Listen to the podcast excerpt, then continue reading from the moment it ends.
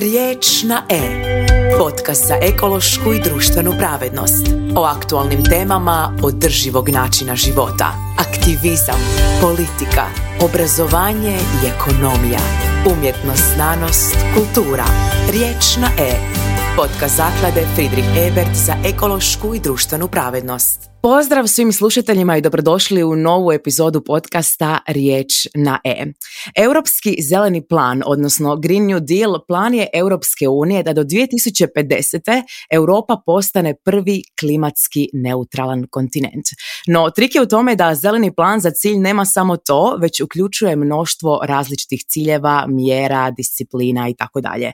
Danas o važnosti, manama i vrlinama ovog plana razgovaramo s docentom na Fakultetu političkih znanosti i Max Weber fellowom na Europskom sveučilišnom institutu u Firenci, Marijom Muntom. Mario, dobrodošao u naš podcast. Hvala na pozivu. Pa evo, ako ti meni vjeruješ, e, imali smo do sad 13 gostiju u našem podcastu i gotovo u svakom podcastu se na neki način mi dotaknemo zelenog plana. Znači, ja mislim da je danas gotovo nemoguće govoriti i o ekološkom pokretu, a i generalno o bilo kojim sferama ekologije i tako dalje, bez da se barem malo dotaknemo tog zelenog plana. Tako da mi je jako drago da danas možemo to napokon našim slušateljima u detalje objasniti. Ja sam u uvodu rekla da nekakav generalni okvir zelenog plana da do 2050. Europa postane klimatski neutralan kontinent, no evo osta, ostavit ću sad riječ tebi da nam objasniš što je to europski zeleni plan, onako baš da nam profesorski to objasniš i što, što uključuje europski zeleni plan? Može, naravno. Dakle, evo u uvodu si i sama spomenula onaj e, ključni moment ili naglasak samog e, europskog zelenog plana i to je nekakav ovoga headline u principu um, samog plana je da do 2050. Europska unija ili Europski kontinent postane klimatski neutralan. Često se brka pa se misli da da će ovoga magično do 2050. nestati sve e, CO2 emisije i drugi, drugi CO2 ekvivalenti E, koje, koje mi spuštamo, ali, ali to nije tako. Dakle, to je, e, cilje se, cilje se ka klimatskoj neutralnosti e, i nula neto emisija. U principu nastoji se i nekim novim tehnologijama također poništiti efekte emisija koje ćemo i dalje ispuštati u atmosferu 2050. godine jer naprosto nije nije realno i to svi ovoga znaju i naravno i u unija da do 2050. ovoga izbrišemo apsolutno cijeli otisak koji, koji proizvodimo po pitanju emisija stakleničkih plinova. Tako da to je nekako prva, prvi i osnovni naglasak. Europski zeleni plan je u principu jedna perjanica komisije Ursula von der, von der Leyen, predsjednice Europske komisije koja je eh, to stavila kao nekakav svoj primarni, kao primarni zadatak e, u svome mandatu da u sklopu Europskog zelenog plana e, iznese čitav niz inicijativa i, i politika kojima bi se e, Europska unija okrenula prema klimatskoj neutralnosti i to na neki način je nastojanje Ursula von der Leyen da ostavi trag na, na ovoj europskoj razini ili ono što se kaže legacy za nju će biti ili, ili želi da bude njen, njen legacy po kojem će se pamtiti. Uh, I s obzirom da dosta, dakle, sam provodio istraživanja na, na ovu temu i, i trenutno radim na jednom radu, mogu stvarno reći ovoga, iz prve ruke da doista kad pričamo o nekoj privrženosti temi same Ursula von der Leyen, ona doista je u potpunosti uvjerena da je to put kojim se treba, treba ići i ono u trenucima kada se formirala Europska komisija te 2019. godine u jesen, to jest kasno, kasno ljeto i jesen. njen uži tim i ona sama je isključivo dakle, odlučila da će to biti ključni naglasak njenog mandata, što je vrlo zanimljivo s obzirom da ona ipak dolazi sa desnog spektra mm. političke scene, ali o toj politici možda možemo malo, malo kasnije.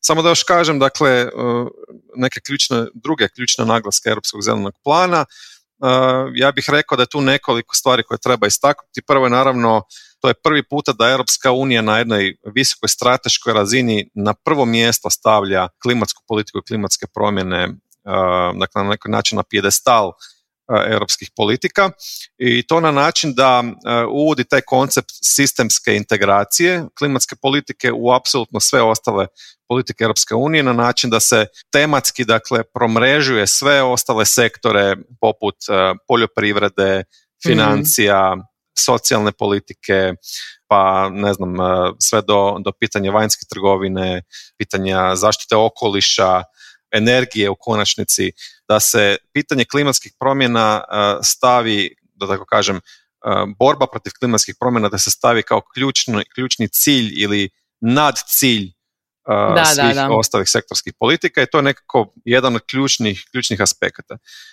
Pored toga, rekao bih da je ključni naglasak na, na kružnom gospodarstvu ili prelazak sa linearnog razmišljanja e, ekonomije koja proizvodi, gdje se proizvodi konzumiraju i onda dakle, bacaju, taj jedan, jedan vrlo e, zastareli način razmišljanja u ekonomiji, se zamjenjuje tim konceptom kružnog gospodarstva koji ipak e, njeguje dakle principe održivog razvoja u, u svakoj fazi razvoja nekog proizvoda što od samog začetka pa pa sve do kraja životnog vijeka nekog proizvoda. Nastoji se utkati to razmišljanje da moramo e, resurse čuvati, da ih da moramo e, reciklirati, da moramo obnavljati, da moramo ponovno rabiti e, proizvode, a tek onda u konačnici ako ništa drugo nije moguće s njima, onda ih i odložiti na, da, na okolišno siguran, siguran način. Tako da to je nekako ono, su neki ključni naglasci samog zelenog plana. Mislim, to je sigurno plan koji je baš e,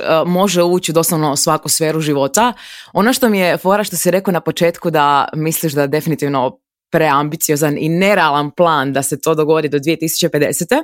Meni se čini da je na početku kad se oformila ova komisija da je bilo dosta kritika sa tog zelenijeg spektra političkog, da je plan trebao biti i ambiciozniji, da je trebao postaviti malo grublje i ambicioznije ciljeve, a danas mi se čini da mnogi taj plan kritiziraju kao najveću europsku, čak i greenwashing kampanju. E, pod broj jedan malo se čini da se nakon nekoliko godina taj zeleni plan stavio u drugi plan, ali i da polako ti politički akteri, pogotovo i sa zelenog spektra, počinju sumnjat u samu provedivost, na način na koji se provodi i u same te ciljeve. Pa što ti misliš o tome? Da li stvarno to nerealno u potpunosti, čak i te iz, te iz perspektive i da li su se trebale staviti ambicioznije, ambiciozniji ciljevi ili ne i da li će uopće takvi ciljevi opstat do 2050. ili se to mora kontinuirano mijenjati, kontinuirano postavljati novi ciljevi i tako dalje? Pa ovako, za početak možda um, ne, bih rekao da, da su ti ciljevi neostvarivi za početak. Ono što je mhm. uvijek u pozadini svih ciljeva koji se postavljaju na Europsku uniju, moramo se zapitati što je u pozadini tih ciljeva i kako se oni kalkuliraju, kako se oni računaju. A u pozadini svakog cilja za koji se sve države članice u konačnici mogu složiti i dogovoriti stoje, stoje određeni pregovori, a, a na koncu i kompromisi. I onda, iako su to već dakle, tehnički razgovori, uvijek u pozadini svakog cilja postoji određena fleksibilnost kako se računaju CO2 emisije, što sve se smatra obnovljivim izvorima energije i tako dalje i tako dalje. I tu ima manevarskog prostora naravno za, za države članice da um, sukladno svojim nekim interesima i mogućnostima se tome prilagođavaju. Uh, sam plan na samom početku se nije dočekan na nož od strane uh, nevladinog sektora i međunarodnih organizacija koje se bave klimatskim promjenama i održivim razvojem, već e, je napadnut od strane naravno ovih malo, e, malo manje progresivnih e, snaga i nekih država hmm. članica.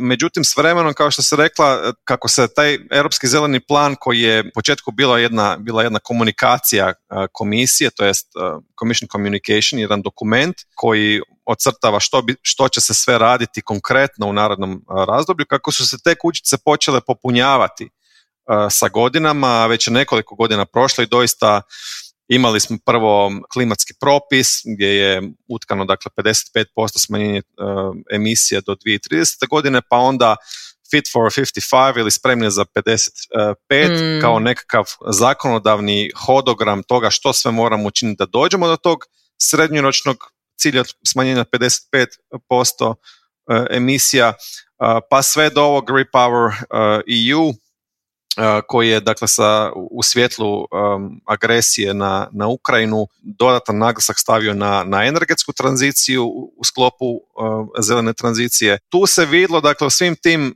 koracima kako je dolazilo do, do pregovora o svakom dosjeu, Mnogi su još naravno i otvoreni, ali oni koji su zatvoreni naravno nisu onoliko ambiciozni možda kako bi možda zainteresirani akteri ovoga, naročito organizacije i druge koje se bave klimatskim promjenama, to htjele. Da, da, da. Ali to je naprosto politička, politička realnost, da na kraju dana mora se doći do nekakvog dogovora, dogovor nikad nije moguć ako se ne stvore uvjeti za kompromis, što na međuinstitucionalnoj razini, ali i unutar institucionalnoj razini. Jer pokazalo se čak na nekim primjerima primjerima, na nekim politikama u sklopu Europskog zelenog plana viđali smo uh, vrlo uh, bizarne scene gdje Vijeće Europske unije predlaže ambicioznije uh, mjere od samog Europskog parlamenta, što u prošlosti bi gotovo bilo nemoguće, a s druge strane viđali smo i osim ovih uobičajenih sukoba između država članica, onih koje su naprednije, poput ne znam, država zapadne Europe, naspram um,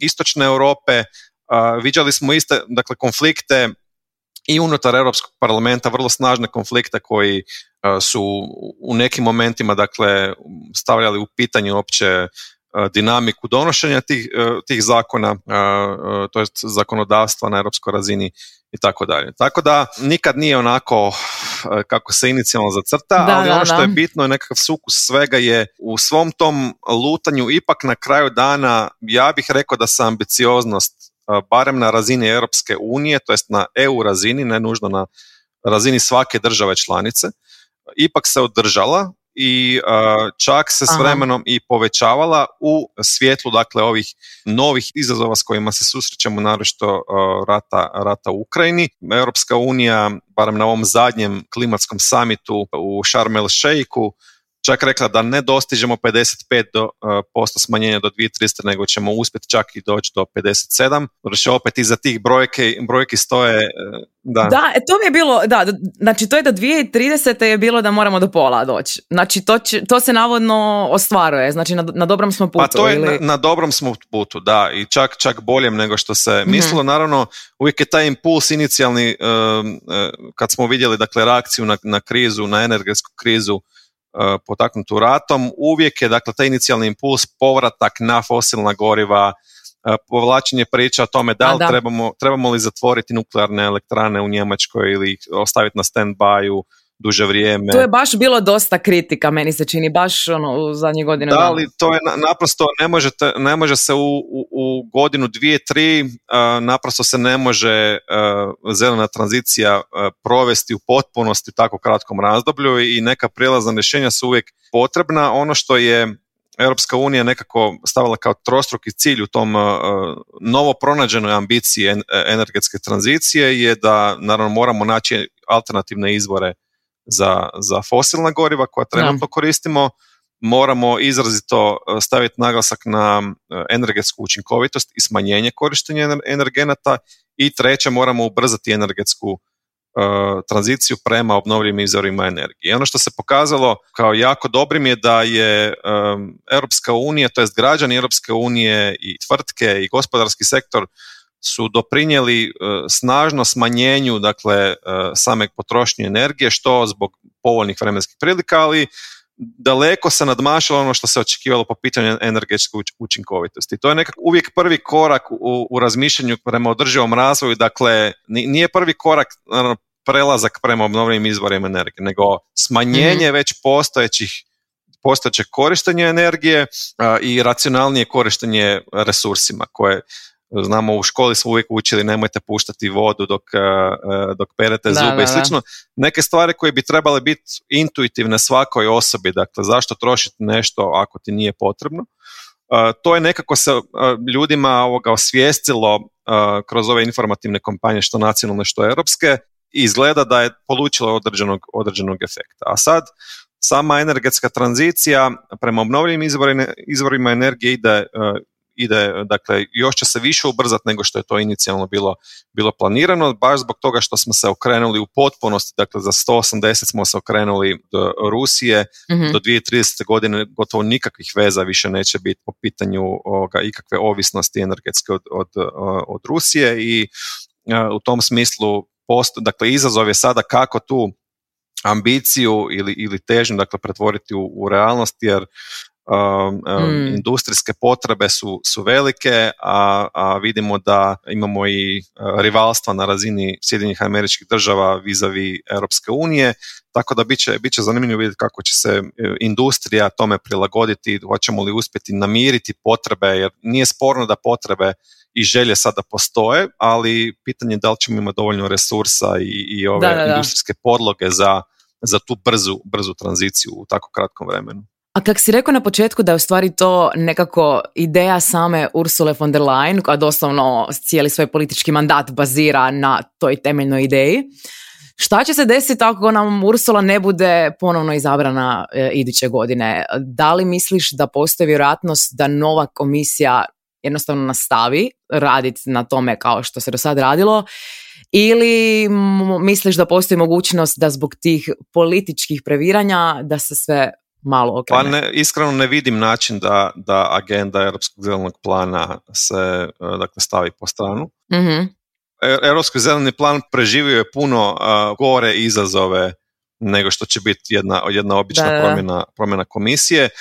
E, samo da podsjetim, dakle imali smo COVID, e, imali smo rat u Ukrajini, imali smo dakle ovo pitanje inflacije koja e, izjeda europsko gospodarstvo. U sve tri instance Europski zeleni plan je izišao kao pobjednik. Unatoč mhm. svim pitanjima i upitnicima koji su se postavljali da li trebamo nastaviti s tom ambicioznošću ili ne, u podlozi svih tih odgovora na te krize u Europskoj uniji odgovor je treba nam više e, zelene tranzicije i idemo u smjeru klimatske neutralnosti i iskoristit ćemo krize koje postoje da bismo se približili još brže i snažnije prema tim zelenim, zelenim ciljevima. Tako mm, da, u konačnici vidite da kad pogledate e, e, odgovor na COVID krizu, dakle uh, Next Gen EU, financijski instrument, 30% svih sredstava mora biti usmjereno prema zelenoj tranziciji, čak 37% u sklopu najvećeg financijskog instrumenta, e, instrumenta za oporavak i otpornost.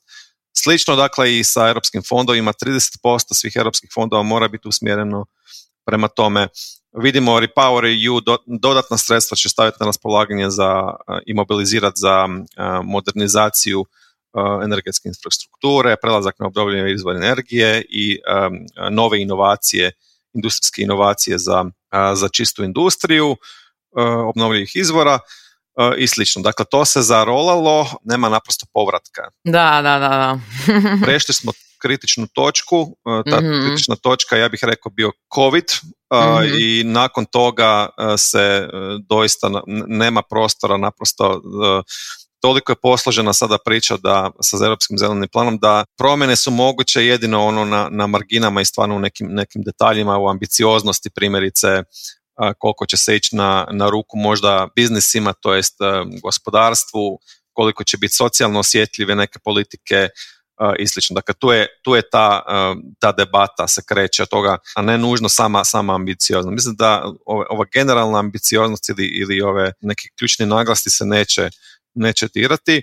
Ono što je, još samo da, da, da kažem, dakle, za Ursula von der Leyen ovo je izazovno razdoblje, naravno, znamo da su izbori za Europski parlament idućeg, dakle, e, godine, ušli smo, zadnji, da.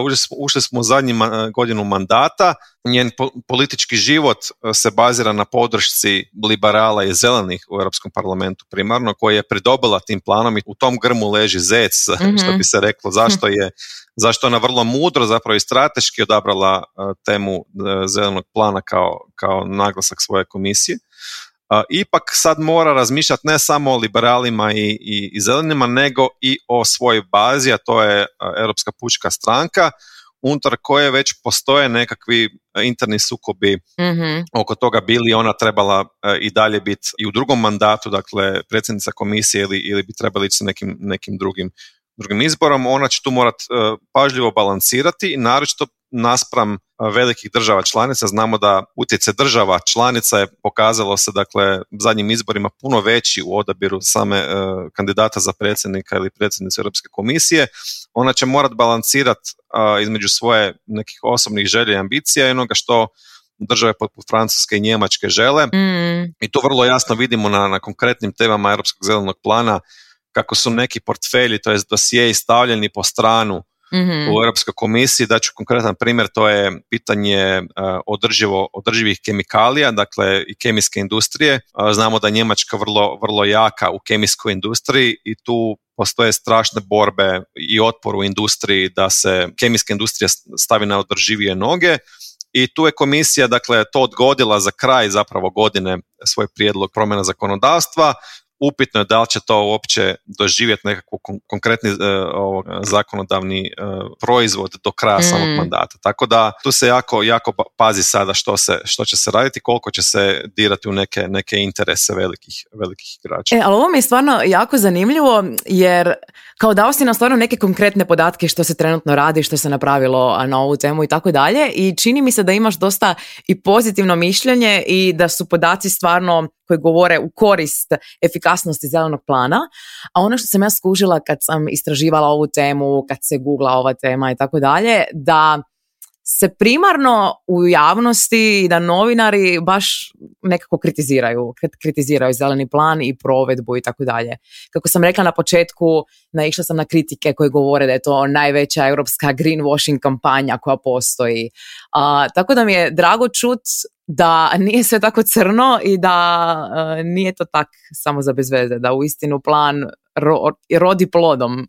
Pa je, puno je, tu naprosto je toliko je tih inicijativa da, da je teško uopće i ljudima koji to intenzivno prate, volim za sebe misliti da, da intenzivno pratim te, te rasprave, da, naprosto je nemoguće pohvatati sve koliko toga ima. Dakle, to je, to je mhm. preplavilo ovog zakonodavnu agendu i, i ovoga, teško je biti u korak sa, sa time što se dešava. Međutim, naravno, kao što, što, što si rekla, dakle, puno je potencijalnih kritika i problema sa Europskim zelenim planom. Ja mislim da ima jednako kvaliteta koliko i mana u principu. Mislim da postoji nekoliko područja kojima smo mogli učiniti više i gdje Europska unija još uvijek stigne učiniti više da taj e, europski zeleni plan zaživi. Aha. Prvo i, i glavno pitanje meni, pitanje svih pitanja je kako lokalizirati zelenu tranziciju, to jest kako demokratizirati što poglavito energetsku tranziciju.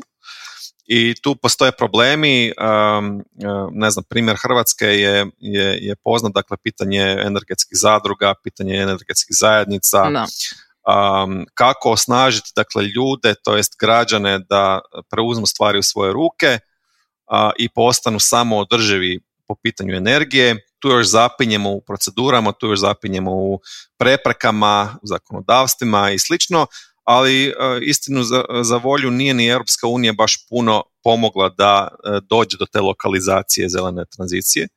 E, sa nekim vrlo mlakim inicijativama poput klimatskog pakta koji nema nikakvu financijsku podlogu ili moć da osnaži građane E, tako da to je ključ rješenja energetske tranzicije. Kako omogućiti da. građanima da postanu vlasnici svoje energije i da ju skladišta, da ju koriste, da ju prodaju i sl. Mm. to sam te baš htjela pitati kao u europskim krugovima i u tom briselskom političkom krugu čini mi se da je to i aktualna tema non stop, da se non stop o tome priča.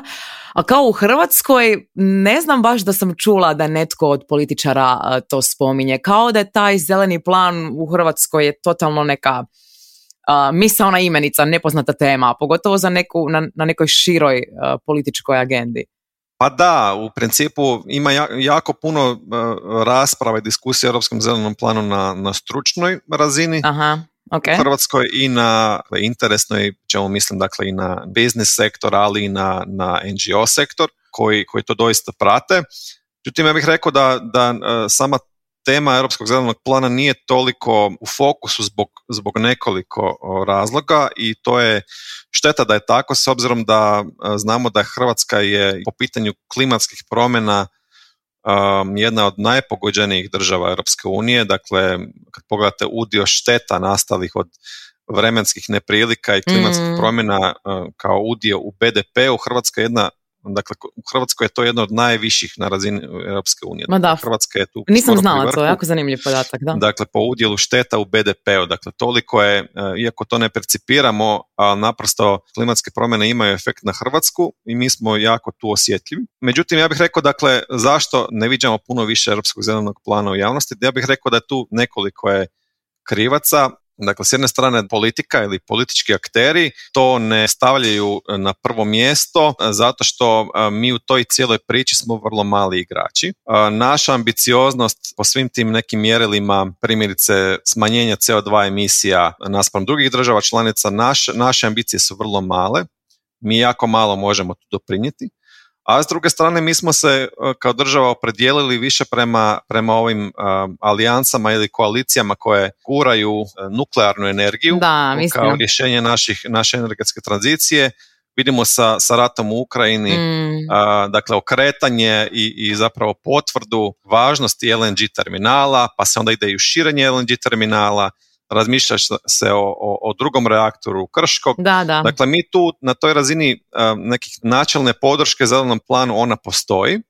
Međutim, mi se u modalitetu te zelene tranzicije okrećemo ipak prema nuklearnoj energiji i, e, i, i shvaćamo važnost, to jest i dalje e, stavljamo veliki naglasak na plin.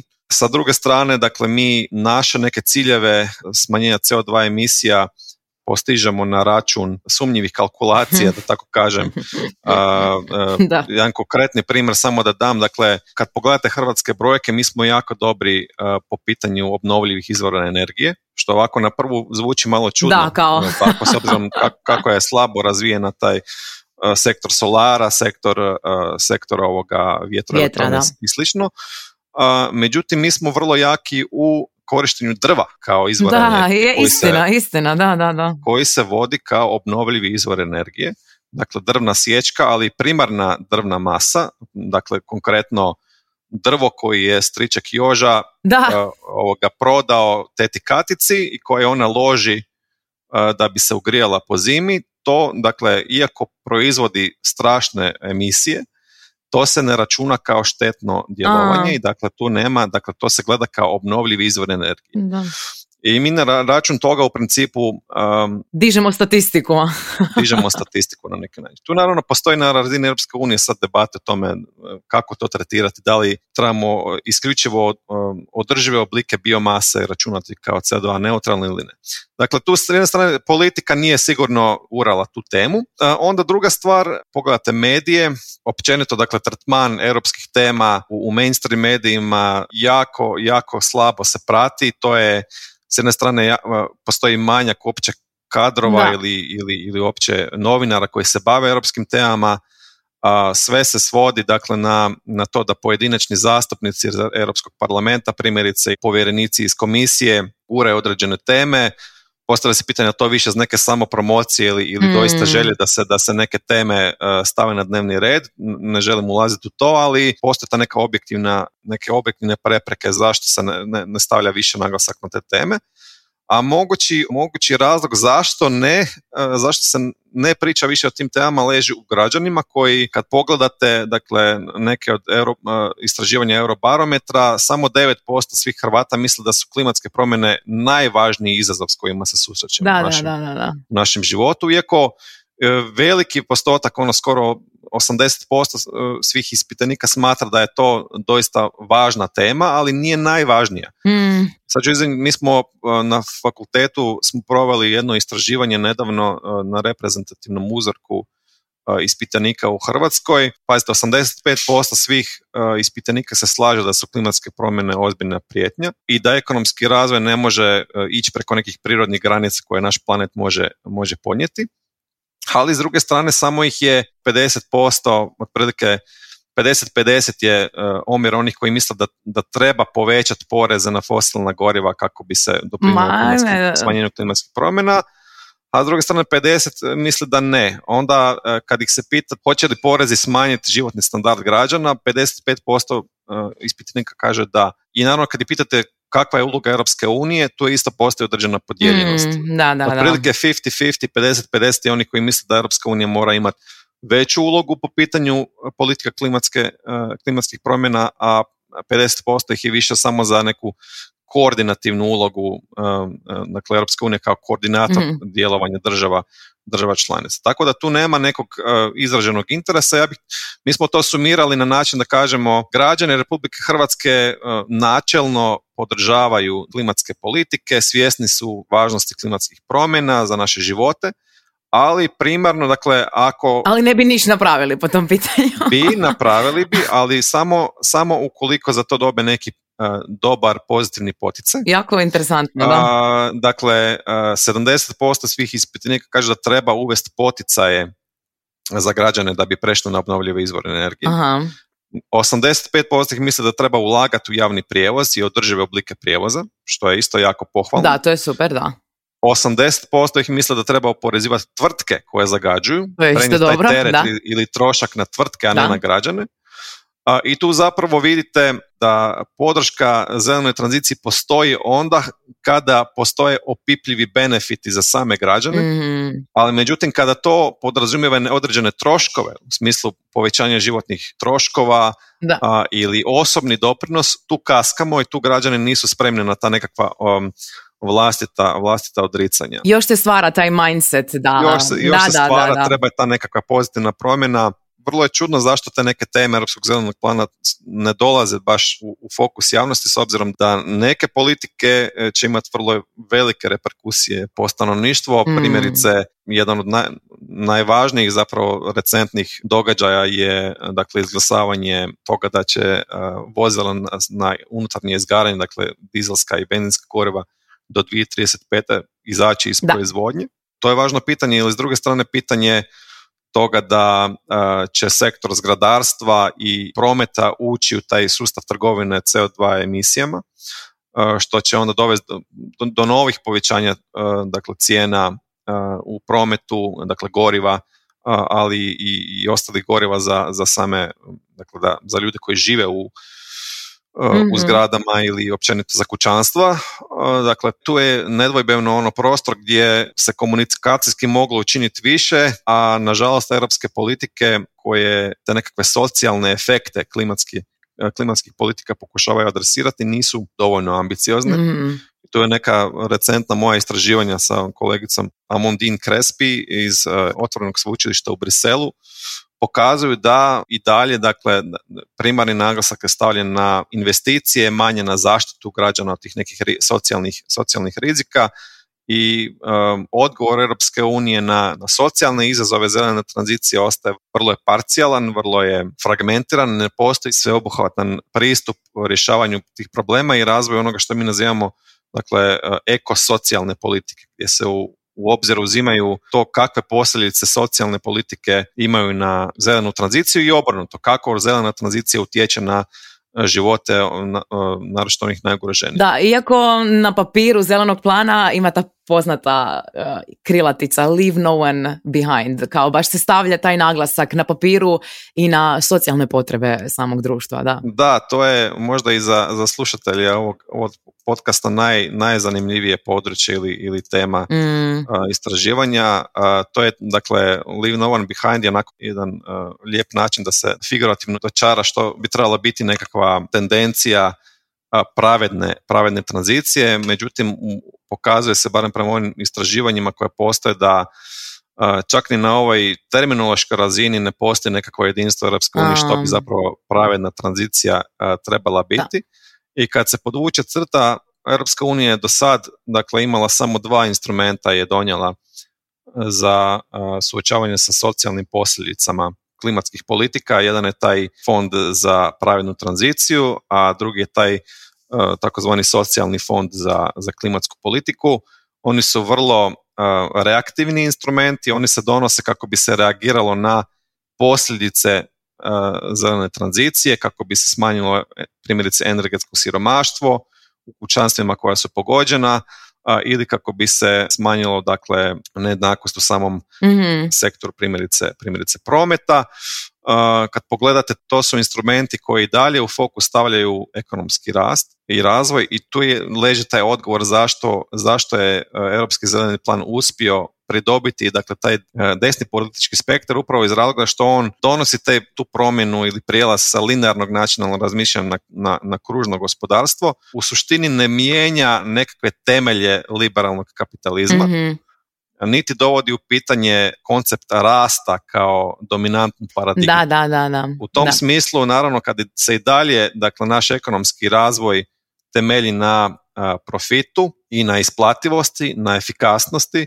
na konkurentnosti i kada se to ne dovodi u pitanje, onda naravno, ako tako postavite stvari, onda možete i klimatskim politikama E, pridobiti e, onaj desni dio našeg, našeg političkog spektra i e, zato taj cijeli, cijela paradigma europskog zelenog plana zapravo se može svesti pod egidu ekološke modernizacije, nečega što postoji kao koncept i u i u Sjedinjenim američkim državama. Dakle, nastojimo pronaći način kako klimatskim politikama pridonijeti ekonomskom da, da, da, da, Našem, našem okolišu. Tu je taj, ova treća strana, ova društvo, socijalna dimenzija, ostaje malo za Iako, e, samo da još dodam, u samom razmišljanju Europske komisije kad je donosila Europski zeleni plan, to moja istraživanja pokazuju da je ključni moment bio kad se shvatilo, dakle tamo negdje 2018. najkasnije 2018.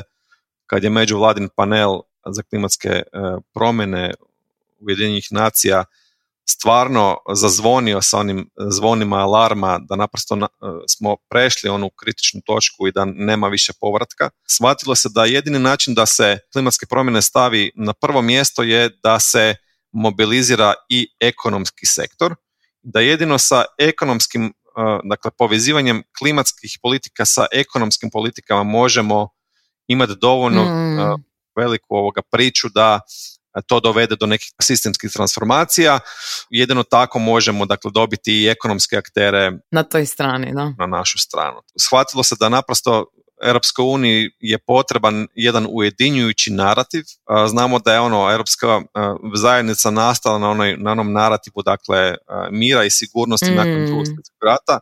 Ova cijela dakle, priča klimatskih promjena i, i, i trenutka u vremenu i klimatskih pokreta diljem svijeta sve se posložilo dakle i, i shvatilo se da je taj narativ dakle europskog zelenog plana može biti ta ujedinjujuća snaga koja će nas mobilizirati u narednim desetljećima da mhm. zajedno radimo na tim nekim problemima sad pitanje koliko ta taj narativ zapravo onda dopira do, do samih građana da.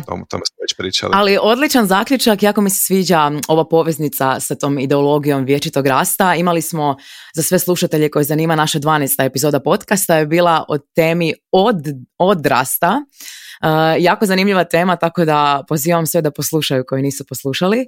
Stvarno Green New Deal je tema, mislim da bi mi doslovno svaku epizodu koju imamo mogli posvetiti jednom dijelu zelenog plana, jer je toliko ide u dubinu i toliko se može povezati sa svim aspektima društva, ekonomije, ekologije, da je to nevjerojatno, ali nažalost moramo negdje stati danas jako mi je drago da smo barem djelomično, nadam se, našim slušateljima mogli malo objasniti tu temu i stvarno mislim da se na odličan način objasnio tu glavnu problematiku, glavne kritike, pozitivne aspekte zelenog plana.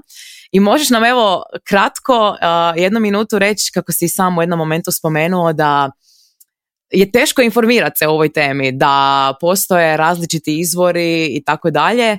Što bi ti preporučio na, našim slušateljima? Ne znam, jedan ili dva izvora za koji si siguran da mogu redovito naći informacije koje su povezane uz ovo što smo pričali. Različiti su ukusi ljudi, e, želje, mm, težnje. naravno, da. Neki, neki čitaju na engleskom, neki ne čitaju na engleskom. E, ja se ono oslanjam više manje na ove provjerene velike igrače koji, kojima je stalo i koji imaju resursa da određene priče provjeravaju i mhm. da drže do nekakvog kredibiliteta ti izvori nisu, nisu bezgrešni, što bi se reklo, ali, ali za europske politike naravno pratim jako puno politiko.eu, uh, mm-hmm. pratim um, uh, Financial Times uh, i slično, EU Observer uh, ili za neku, ajmo reći ovaj, za, za pristup koji je možda najneutralniji od svih, ali, ali nudi, nudi sveobuhvatan pregled toga što se dešava da, da, kvalitetno na, europskoj, da, da, agendi. To, tu bi svakako istaknuo uh, Agence Europe, uh, ali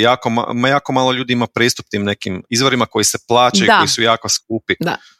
Uh, ja imam tu sreću da imam pristup recimo Agence Europu koji je izrazito kvalitetan izvor informacija, provjerenih informacija o tome što se dešava u europskim politikama međutim šira građanstvo nema, Istina, nema pristup i to je, to je žalostno, to je nažalost tako ali kažem ovoga, e, ne, neće se baš usrećiti ljudi previše čitajući hrvatske. Da, znači treba malo, novine, treba malo kopat oko ove teme, znači nema, nema, laganog, nema laganog izlaza.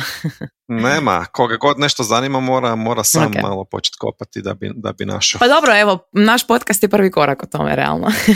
Mislim da je ovo, da smo na dobar način sažali te neke glavne elemente, čak i u vremenski prihvatljivom okviru. ništa Mario, hvala ti puno što si bio e, gost našeg podcasta. Nadamo se da ćeš uživati u proljeću u firenci za nas. A vi ste slušali podcast zaklade Friedrich Ebert. Riječ na E. Podcast zaklade Friedrich Ebert za ekološku i društvenu pravednost.